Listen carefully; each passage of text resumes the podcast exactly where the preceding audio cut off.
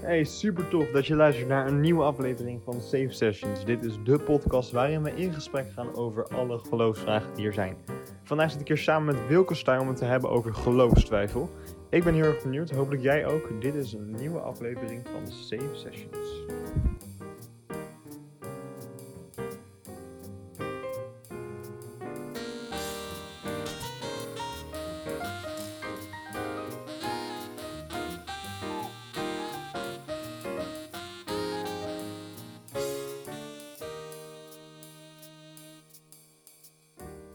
Yes, inderdaad. Welkom bij een nieuwe aflevering. Vandaag, eh, zoals je net hoorde, zit ik met Wilke Stuy. Eh Wilke, welkom. Dankjewel. Leuk dat je er bent. Zoals eh, de mensen net hebben gehoord, we gaan vandaag praten over het onderwerp geloofstwijfel. Het komt eigenlijk omdat ik bij jou een preek heb gezien bij de Beam Kerkdienst, waar je het daarover had. En dat sprak mij ook heel erg aan, ook vooral omdat je aan het begin verte- vertelde over hoeveel jongeren er eigenlijk mee zitten. Dat weet je ook omdat je bij Beam werkt. Ehm, je bent daar redacteur en er komt ook nog wel eens eh, voorbij in de YouTube-video's die daar worden geplaatst. Voor de mensen die niet weten wat Beam is, kan je dat een beetje uitleggen? Ja, zeker. Nou, Beam is de plek waar ik werk en eh, Beam is het jongerenmerk van de EO. Eh, we zeggen ook wel eens de jongere community van de EO, omdat we het echt met z'n allen doen. En we doen eigenlijk van alles. Wij zijn waar de christelijke jongeren zijn. Dus we hebben een, een magazine, het Beam Magazine. Maar we zijn ook actief op Instagram, op WhatsApp, op Facebook, YouTube, TikTok sinds kort. Hm. Eh, we proberen gewoon overal te zijn. En we heten Beam omdat we een lichtstraal willen zijn. En daarmee eh, willen laten zien eh, ja, dat Jezus best wel het waard is om te volgen. Eigenlijk komt het daarop neer. Ja. Ja, en jij schrijft columns bij Beam ook vooral. Wat merk je daar zelf, wat voor impact het kan hebben op de jongeren, je stukken die je schrijft? Oh, goede vraag. Ehm, wat ik denk het meeste merk qua reacties, dat zijn DM's die we krijgen en WhatsApp-berichtjes. Eh, en dat zijn toch vaak jongeren die hun vragen gewoon aan ons durven te stellen. Dan zeggen ze ook hoi Beam, alsof we een persoon zijn. Dat vind ik heel cool, dat, dat ze ons Ja. als, echt als een soort veilig merk zien, waar ze zich dan thuis voelen. Eh, ja, en wij lezen alles wat binnenkomt. En ja, dat kan heel erg variëren. En, en er kwamen dus ook veel berichtjes binnen, dus over twijfel, over geloofstwijfel, keuzes maken, onzekerheid over je geloof. Eh, en toen dacht ik, ja, dan, dan, dan als ik dan iets mag vertellen op televisie en op. YouTube, dan wil ik dat het daarover gaat. Want dat is iets wat vaak binnenkomt, ja. Ehm, heb je ook gemerkt dat er tijdens corona dat je ook meer invloed hebt gehad op de jongeren bijvoorbeeld?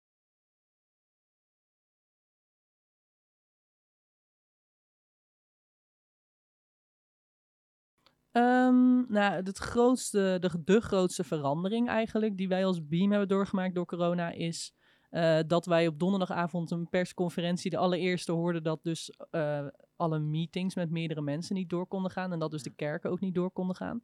En toen hebben wij met elkaar bedacht van oké, eh, daar gaan we iets aan doen, want wij hebben hier de mensen in huis, we hebben de techniek in huis. Wij hebben alles om ervoor te zorgen dat er zondag toch een kerkdienst is voor iedereen die nu thuis zit. En het is gewoon een moeilijke periode, angstige periode, onzeker. Eh, en de grootste verandering is dus denk ik dat wij toen zijn begonnen met de Beam kerkdiensten. Eh, en dat was heel tof. Heel veel reacties op gehad. We waren echt super blij dat we dat konden doen.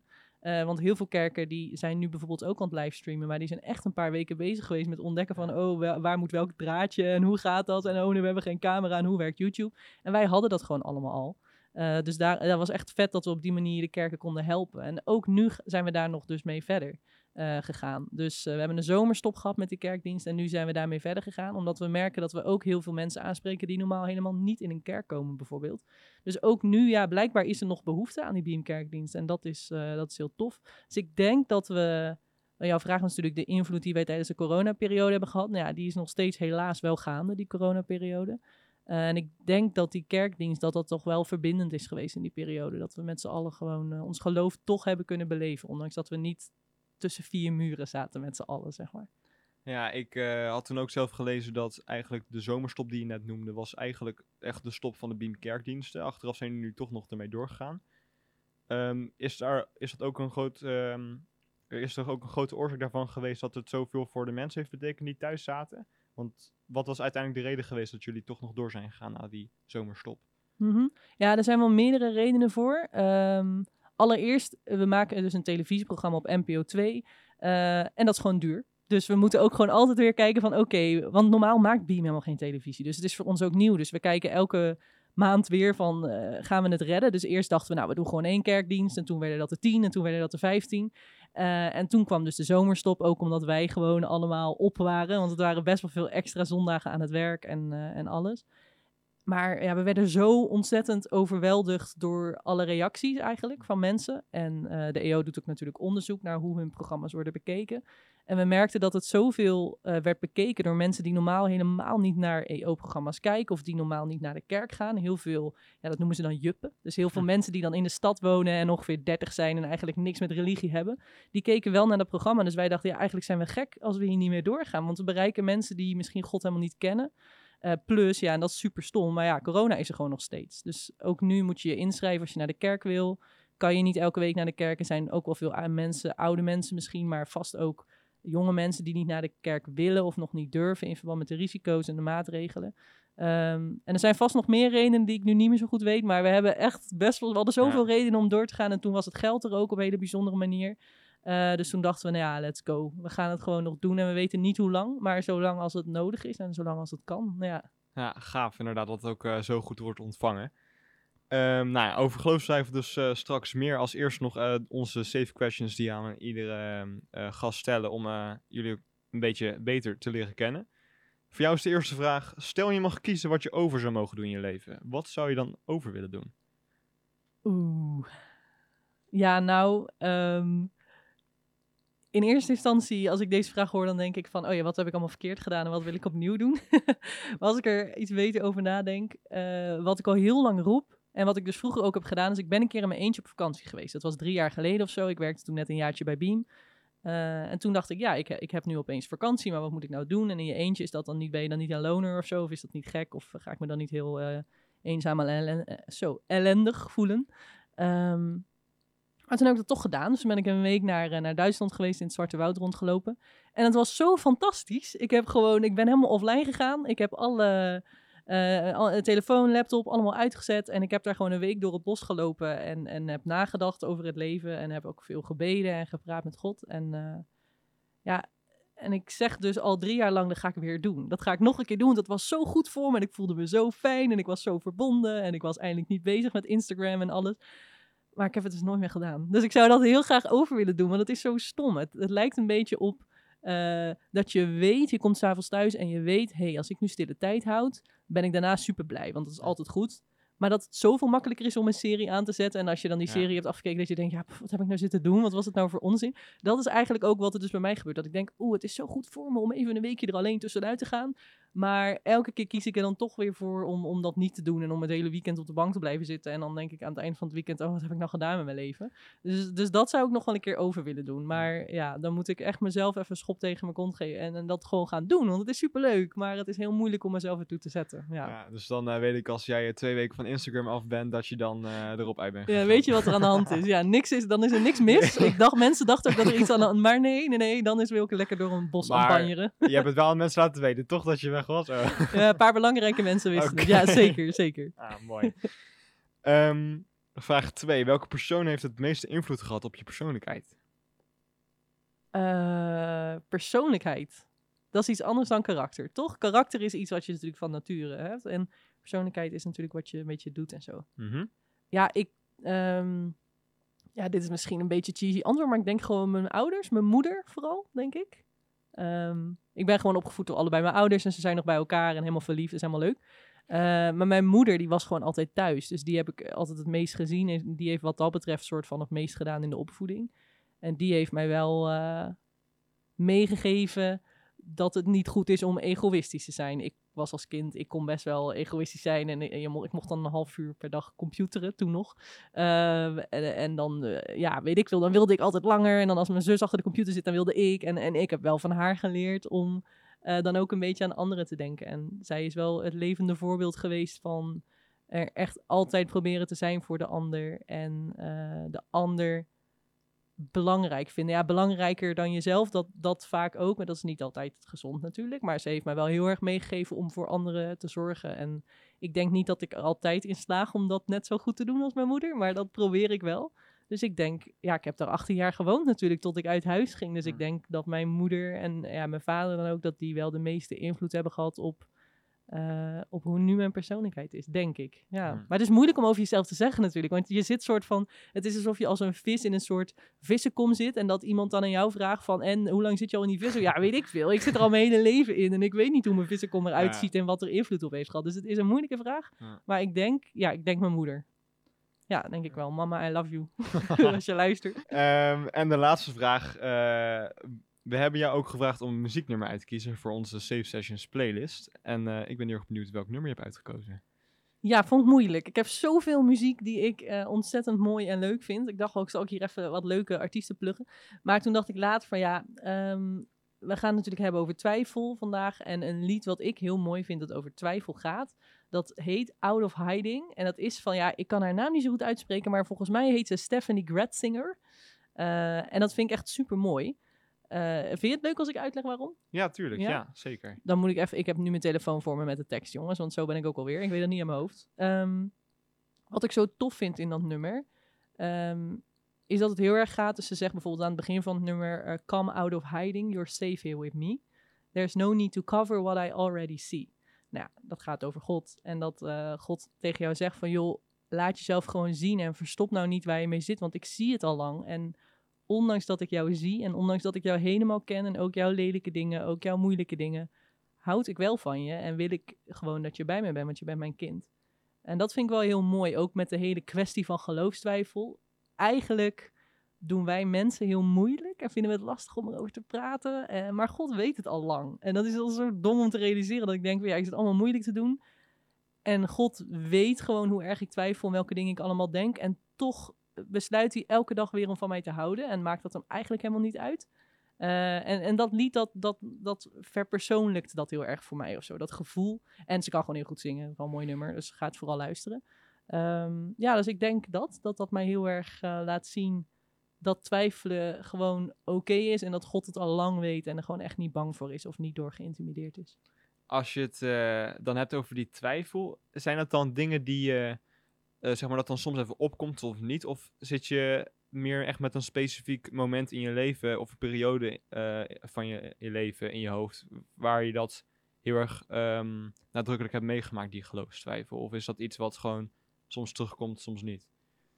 Ja, ik denk dat het bij mij, iedereen zal het echt totaal verschillend zijn, maar bij mij is het echt soort met vlagen. Dat als ik dan, weet ik veel, een of andere documentaire zit te kijken waar het, het bestaan van God bijvoorbeeld ontkend wordt, dat ze zeggen, nou, God bestaat niet dan denk ik wel eens, oh, holy shit, zeg maar, is, is dat dan zo? En ik weet niet, ik kan op die manier uh, wel soort van een beetje aan twijfelen worden gebracht. En nu twijfel ik bijna nooit echt aan het bestaan van God. En gelukkig twijfel ik ook niet zo vaak of hij echt van mij houdt. Maar ik begrijp gewoon zoveel dingen niet. En ik ben gewoon zo gewend, mijn hersenen doen het gewoon goed. En ik ben gewoon gewend om alles dan toch te begrijpen. En als ik dat niet doe, dan zoek ik het net zo lang uit tot ik het wel doe. Want ik vind het leuk, ik hou van kennis, ik ben een rationeel persoon. Hm. Uh, maar dat lukt gewoon niet bij God. En er zijn zoveel dingen dat ik denk van, ja, maar hoe kan dat nou?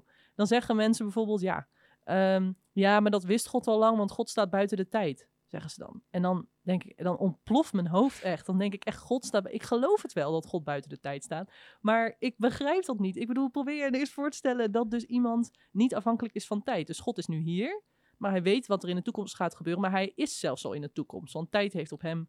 Dus, dus hij is al in de toekomst, maar hij is ook hier. En ik mag dan wel eigen keuzes maken, maar God is dan ook weer in het verleden. En voor, ja, ik snap het gewoon niet. Ik snap het gewoon niet. En dan twijfel ik dus niet per se aan het feit of het zo, ja, of wel, ja, ik weet niet wat het dan is, maar ik begrijp het dan gewoon niet. En Ja. dan twijfel ik ook wel aan of dat, ja, is het dan waar als ik het niet kan begrijpen en als, als ik er gewoon niks van snap en als mensen er ook verschillende meningen over hebben, want ja, laten we christelijk geloof noemen één onderwerp en er zijn natuurlijk eh, drie verschillende meningen over, op zijn minst.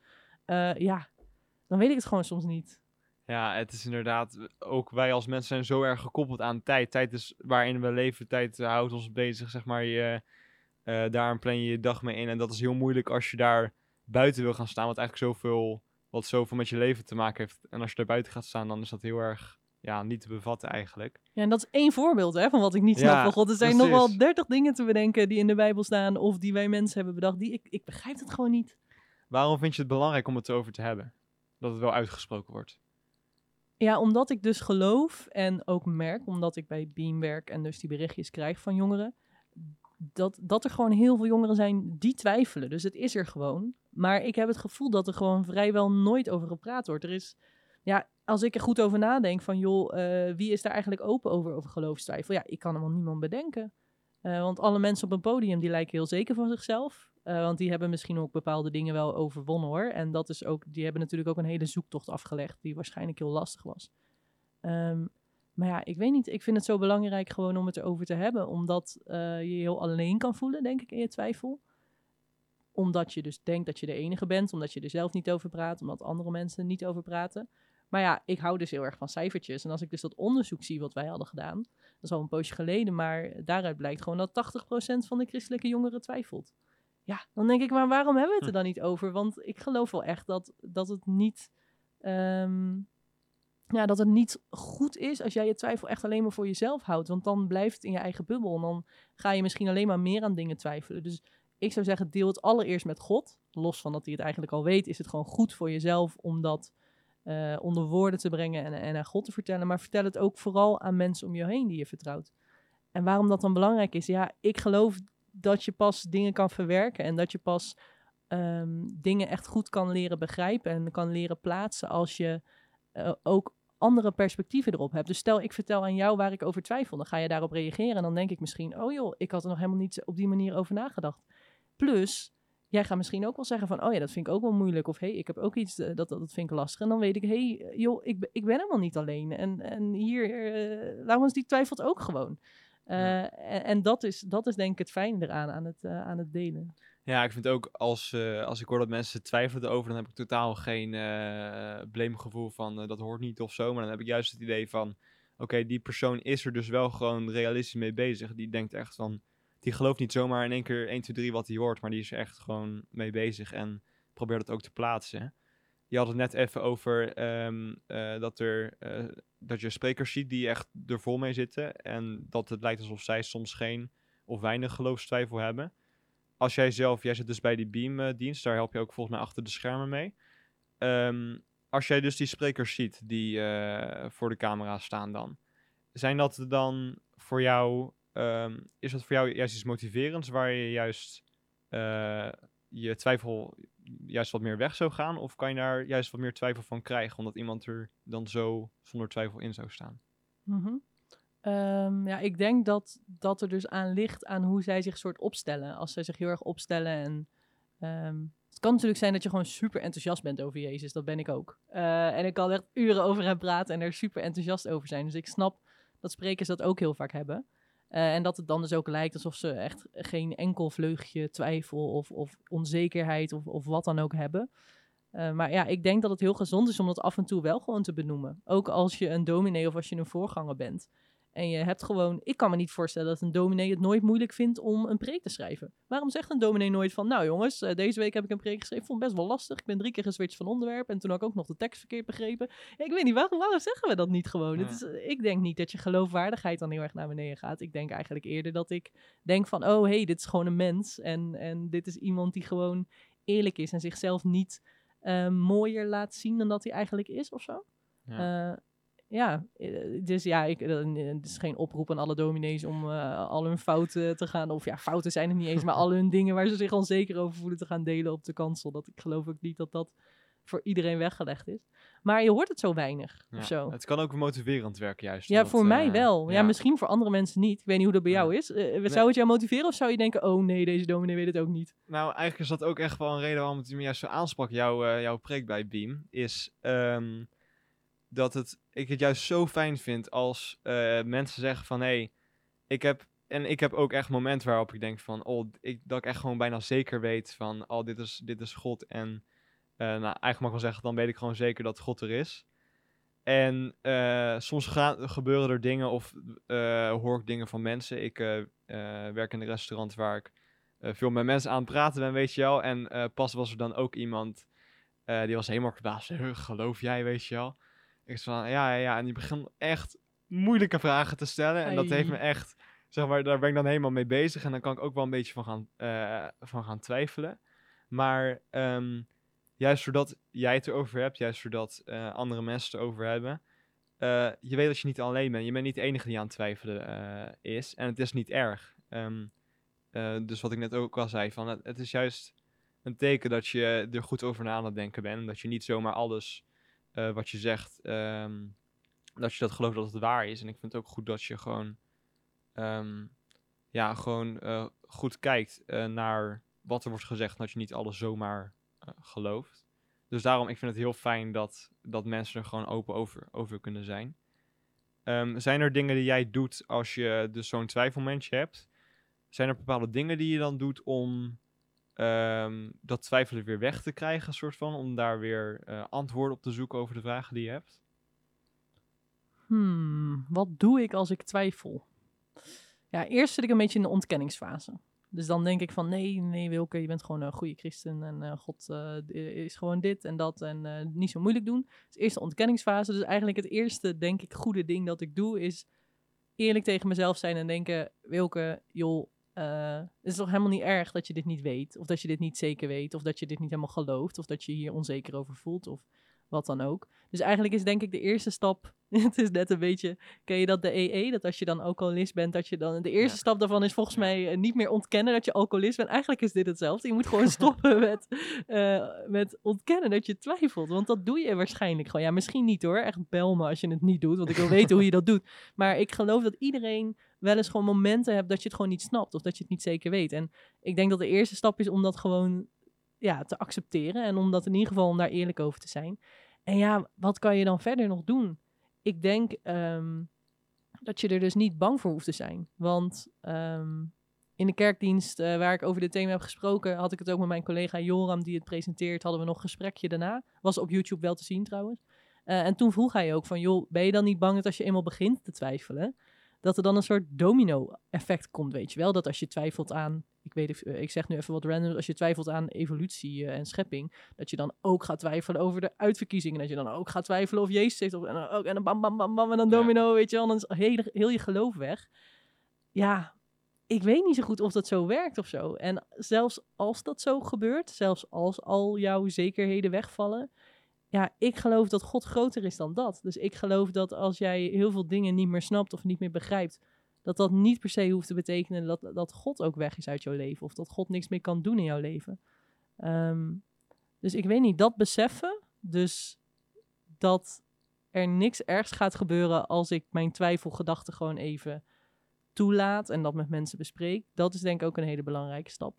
En dan, ja, dat heb ik nu natuurlijk al heel vaak gezegd. Ik ben een soort de pro, bespreek je twijfel, mevrouw. Eh, maar ja, bespreek het dan. En natuurlijk, je moet er wel even een goede mens voor hebben. Want er zullen misschien ook mensen zijn die daar helemaal niet chill of goed op reageren. Eh, dus doe dat alleen met mensen die je gewoon echt vertrouwt. Ehm, maar, maar doe dat wel en, en wees daar gewoon eerlijk over. En eh, ja, soms is het gewoon lekker. Dan hoef je het alleen maar te zeggen. Misschien is het over een week alweer minder. Dat kan natuurlijk. Het hoeft allemaal niet heel diep en ernstig te zijn. Maar dan is het er gewoon uit. En dan is het in het licht. Eh, en dan heeft het gewoon, ja, dan kan het gewoon verwerkt worden. En dan kan je erover nadenken en andere perspectieven erop zien. En ja, dus, ik, ja, dus dat denk ik. Eigenlijk heb je net al een klein beetje een antwoord gegeven op de vraag die ik wilde stellen. Oh. Tenminste, ik wilde stellen. eh, ik heb een story op eh, onze Safe Sessions Insta gezet met wat zijn jouw vragen over geloofstwijfel. Daar hebben we een vraag van de luisteraar gekregen. En die vroeg, als God van me houdt, waarom laat hij me dan zo worstelen? En ehm, ik denk dat dat heel veel... Je kan twijfelen, zoals we net al een beetje hadden, over van... ehm, ik zie dit, maar ik hoor dit uit de Bijbel. Dus ik zie dat eh, God wonderen kan doen, maar... ehm, eh, of tenminste, ik hoor uit de Bijbel dat God wonderen kan doen, maar ik zie iets anders. Eh, maar je hebt natuurlijk ook dingen van je worstelt met dingen en dan uiteindelijk denk je van ja, waarom laat God me hier nog steeds mee worstelen? Hoe kijk jij daar tegenaan? Ehm, allereerst eh, super stom dat je zo worstelt met iets. Persoon die de vraag stelt. Eh, dat is super heftig. En ik weet ook vrij zeker dat ik in de maximaal 30 minuten die deze podcast duurt, dat ik, ja, ik heb geen kant-en-klaar antwoord hier- hierop. Echt niet. Want dit is echt een van de moeilijkste vragen die je kan stellen natuurlijk. Maar wat ik wel geloof, ehm, en wat ik echt probeer te geloven, is dat ehm, God houdt van jou en je worstelt, dat dat niet per se dingen zijn die heel erg met elkaar te maken hebben. Het is niet zo dat als God van jou houdt, dat het dus niet kan dat jij worstelt met dingen. Ehm, en ik snap wel dat, dat, dat je dat misschien denkt. Dat heb ik zelf ook heel vaak als ik denk van... hé, hey, het gaat nu gewoon helemaal even shit in mijn leven. eh, God houdt niet meer van me. Maar ik geloof niet dat dat op die manier aan elkaar gekoppeld is. En dat geloof ik omdat ik in de Bijbel ook natuurlijk het verhaal van Jezus, daar gaat de hele Bijbel over. Ehm, maar in dat verhaal van Jezus zie je dat Jezus ook echt ontzettend worstelt en super heftige dingen meemaakt. Ik bedoel, hij wordt vermoord op zijn 33ste volgens mij, dat is super heftig. Ehm, maar er is geen enkele persoon op de aarde waar God ooit meer van heeft gehouden dan van Jezus.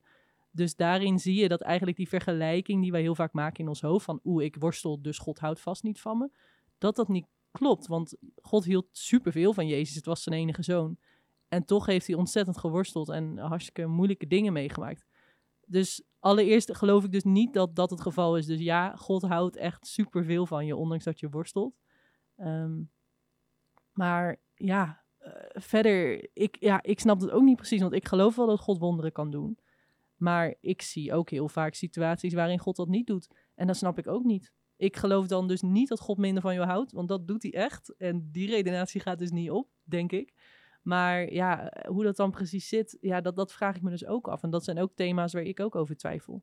En wat ik dan wel geloof, is dat um, hoe diep je ook in de shit zit, zeg maar, en hoe diep je ook uh, gaat met je negatieve emoties, of met, of met je pijn, of met je gezondheid, dat God er wel bij is. En misschien voelt het als een soort schamele troost, dat je denkt van ja, uh, lekker antwoord. Maar ik denk dat God en wie hij is en als hij aanwezig is, dat dat wel echt, uh, dat dat heel veel kan doen in je leven of zo. Ja, ik moet ook nu denken aan het verhaal van Job. Uh, Job is ook natuurlijk verhaal in de Bijbel, is een Bijbelboek en Job superrijke man en op een gegeven moment uh, dondert eigenlijk alles in, is zijn hele leven, hij wordt superziek, al zijn kinderen overlijden. Het enige wat hij nog heeft is een vrouw en die zeurt ook nog tegen hem, dat is echt verschrikkelijk. En hij zit dus met uh, een of andere eczeem op zijn lichaam, helemaal kapot, zit hij op een vuilnisbelt. En natuurlijk stelt Job dan een vraag aan God van God, waarom uh, houdt u wel van me? Waarom doet u dit? Wat heb ik verkeerd gedaan? Wat heb ik verkeerd gedaan? Dat vraagt hij volgens mij 44 hoofdstukken lang aan God. En uiteindelijk gaat God een antwoord geven. Dan wordt het groots aangekondigd van nou, nu komt God naar beneden, soort van, en nu gaat hij een antwoord geven. En wat God vervolgens doet, is dat hij vertelt wie hij is. Dat hij zegt, nou uh, Job, ik ben uh, een sterke God en uh, ik ben dit, ik ben dat en ik hou heel veel van je. En, en dan, dat is het antwoord. En vervolgens zit Job op die vuilnisbelt en die zegt dan, oh, nou ja, oké. Dan is hij daar gewoon akkoord mee. Dus hij vraagt aan God, waarom moet ik zo lijden en wat heb ik verkeerd gedaan? En God zegt, hoi Job, dit ben ik en ik hou van je en zo groot ben ik. En dan zegt Job, oh oké, u heeft mijn vraag beantwoord. Dus dat is natuurlijk super gek. Dus ergens probeer ik daarvan te leren dat dus de vraag, God, waarom ben ik zo aan het lijden? Dat dat misschien geen vraag is waar een goed antwoord op is. Want stel, God had aan Job uitgelegd waarom hij zo aan het lijden was, dan was hij nog steeds aan het lijden geweest. Dus ja, wat heeft het eigenlijk voor nut, met alle respect? Ik stel de vraag ook, ik snap het. Maar wat heeft het eigenlijk voor nut om te weten waarom je lijdt? Want het antwoord dat God aan Job gaf was, hey, Job, dit ben ik en ik ben jouw God en ik hou van jou en je hoort bij mij. En dat was wel genoeg voor Job. Dus ik probeer me altijd maar in te beelden of te bedenken dat als ik inderdaad ook denk van God, waarom gebeurt dit en houdt u wel van mij? Dat ik bedenk, het antwoord dat God geeft op deze vraag is zichzelf. Uh, en bij Job liet hij zichzelf dus zien en vertelde hij over zichzelf. En in mijn leven denk ik dat Jezus voor mij is gestorven. Dus dat op die manier Jezus zichzelf aan mij laat zien en dat hij dus bij mij hoort.